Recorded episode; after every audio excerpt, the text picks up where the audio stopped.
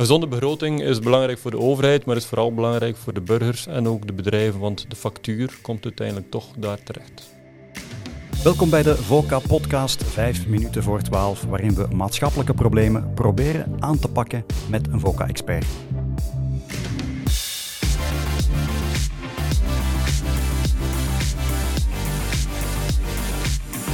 VOCA Podcasts.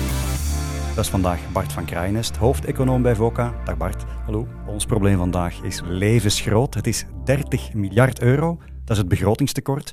Hoe gaan we die 30 miljard vinden? Liefst zo snel mogelijk. Ja, zo snel mogelijk zal het moeilijk zijn. Hè. De volgende regeringen, de volgende legislatuur, op verschillende niveaus beginnen we met 30 miljard tekort. En de komende jaren, als we niks doen, gaat dat verder toenemen. Er komt elk jaar ongeveer anderhalf miljard bij voor pensioenen en zorg door de veroudering van de bevolking. Er komt ook elk jaar een miljard bij door de hogere rente op de overheidsschuld. Dus we zullen daar iets moeten aan doen, zo snel mogelijk. We moeten vooral de tanker daar in de goede richting krijgen. De tanker keren nu gaat het de verkeerde richting op. Als we niks doen, gaat dat nog verder. We gaan dat niet op één legislatuur opgelost krijgen. We gaan geen 30 miljard vinden op vijf jaar tijd. Dat is uitgesloten. Maar we moeten wel een duidelijke stap zetten in de goede richting. De volgende regeringen op verschillende niveaus zullen vooral besparingsregeringen en hervormingsregeringen moeten zijn. Ja, besparen en hervormen is dat wat moet gebeuren, ook bij de begrotingsopmaak die nu gebeurt? Ja, dat is zeker nu. De huidige regering hanteert daarbij een 1 derde, 1 derde, 1 derde regel. Een derde moet komen van uh,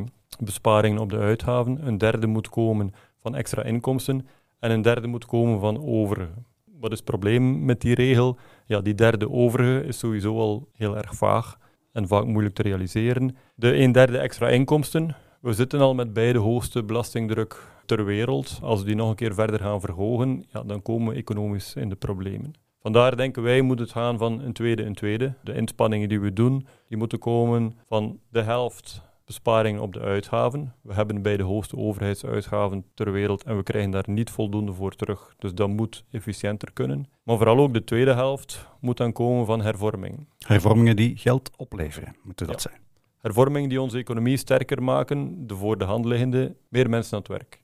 We zitten in België nog altijd met een situatie dat er relatief weinig mensen werken. En elke Belg die we extra aan het werk krijgen, betekent extra inkomsten voor de schatkist en minder uitgaven in, onder de vorm van minder uitkering. Dus daar zit heel veel potentieel. Voor de rest moeten we ook hervormen in de pensioenen, in de gezondheidszorg, om die stijging die er daar zit aan te komen door de vergrijzing, om die toch een beetje onder controle te krijgen. Dus die hervorming moeten echt wel de kern van de volgende regering vormen met het oog om onze economie sterker te maken en op die manier ook onze overheidsfinanciën uh, beter onder controle te krijgen. Ondernemingen, individuele ondernemingen, wat hebben zij eraan dat een overheid een gezonde begroting indient? Dat is niet meteen hun winkel, zou ik denken.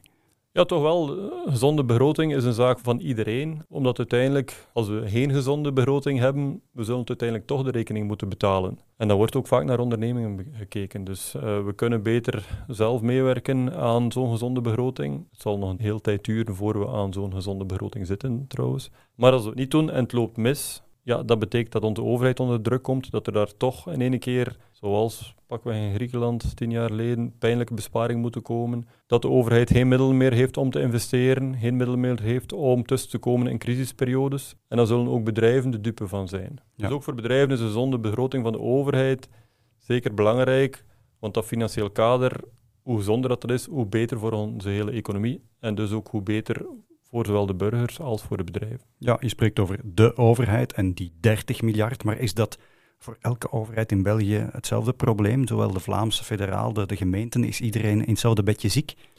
Nee, er zit wel een verschil op. Vlaanderen is daar duidelijk beter, uh, beter bezig. Vlaanderen heeft vandaag ook een begrotingstekort, maar heeft een redelijk perspectief om terug te keren naar evenwicht. Aan Waalse kant is dat veel minder het geval. En vooral federaal, de grote stijging in de uitgaven zijn de rente en sociale zekerheid, die zitten federaal. Maar al onze overheden zullen de komende jaren inspanning moeten doen.